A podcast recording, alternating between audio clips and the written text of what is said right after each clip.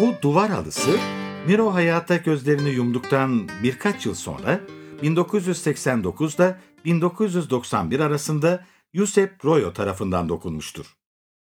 Öte yandan bu eser adeta bir yağlı boya resmin çekiciliğine sahiptir.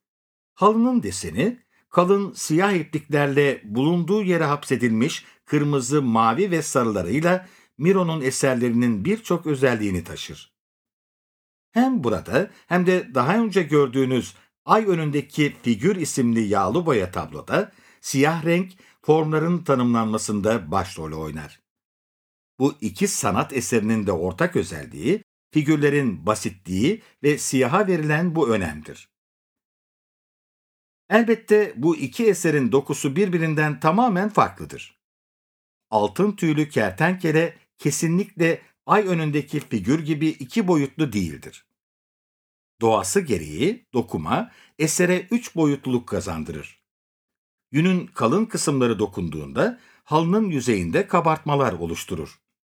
Ayrıca dokumadan tutam tutam çıkan iplikler insana Miro'nun tablolarındaki akıtılmış damlaları hatırlatır. Hatta sanatçı daha önce Royo ile birlikte ürettiği bazı halılara şemsiye gibi nesneler eklemişti. Malzeme, form ve renk çeşitliliği Miro'yu büyülüyordu. O her şeyden önce ressam olduğunu söylerdi ama başka teknikleri keşfetmek de ilgisini çekiyordu. 1970'lerde Tarragonalı dokumacı Yusep Royo ile diyalog kurmanın ne kadar canlandırıcı bir gücü olduğunu keşfetti. Bu işbirliği sadece verimli olmakla kalmayıp Royo'ya da uluslararası tanınmışlık kazandırdı.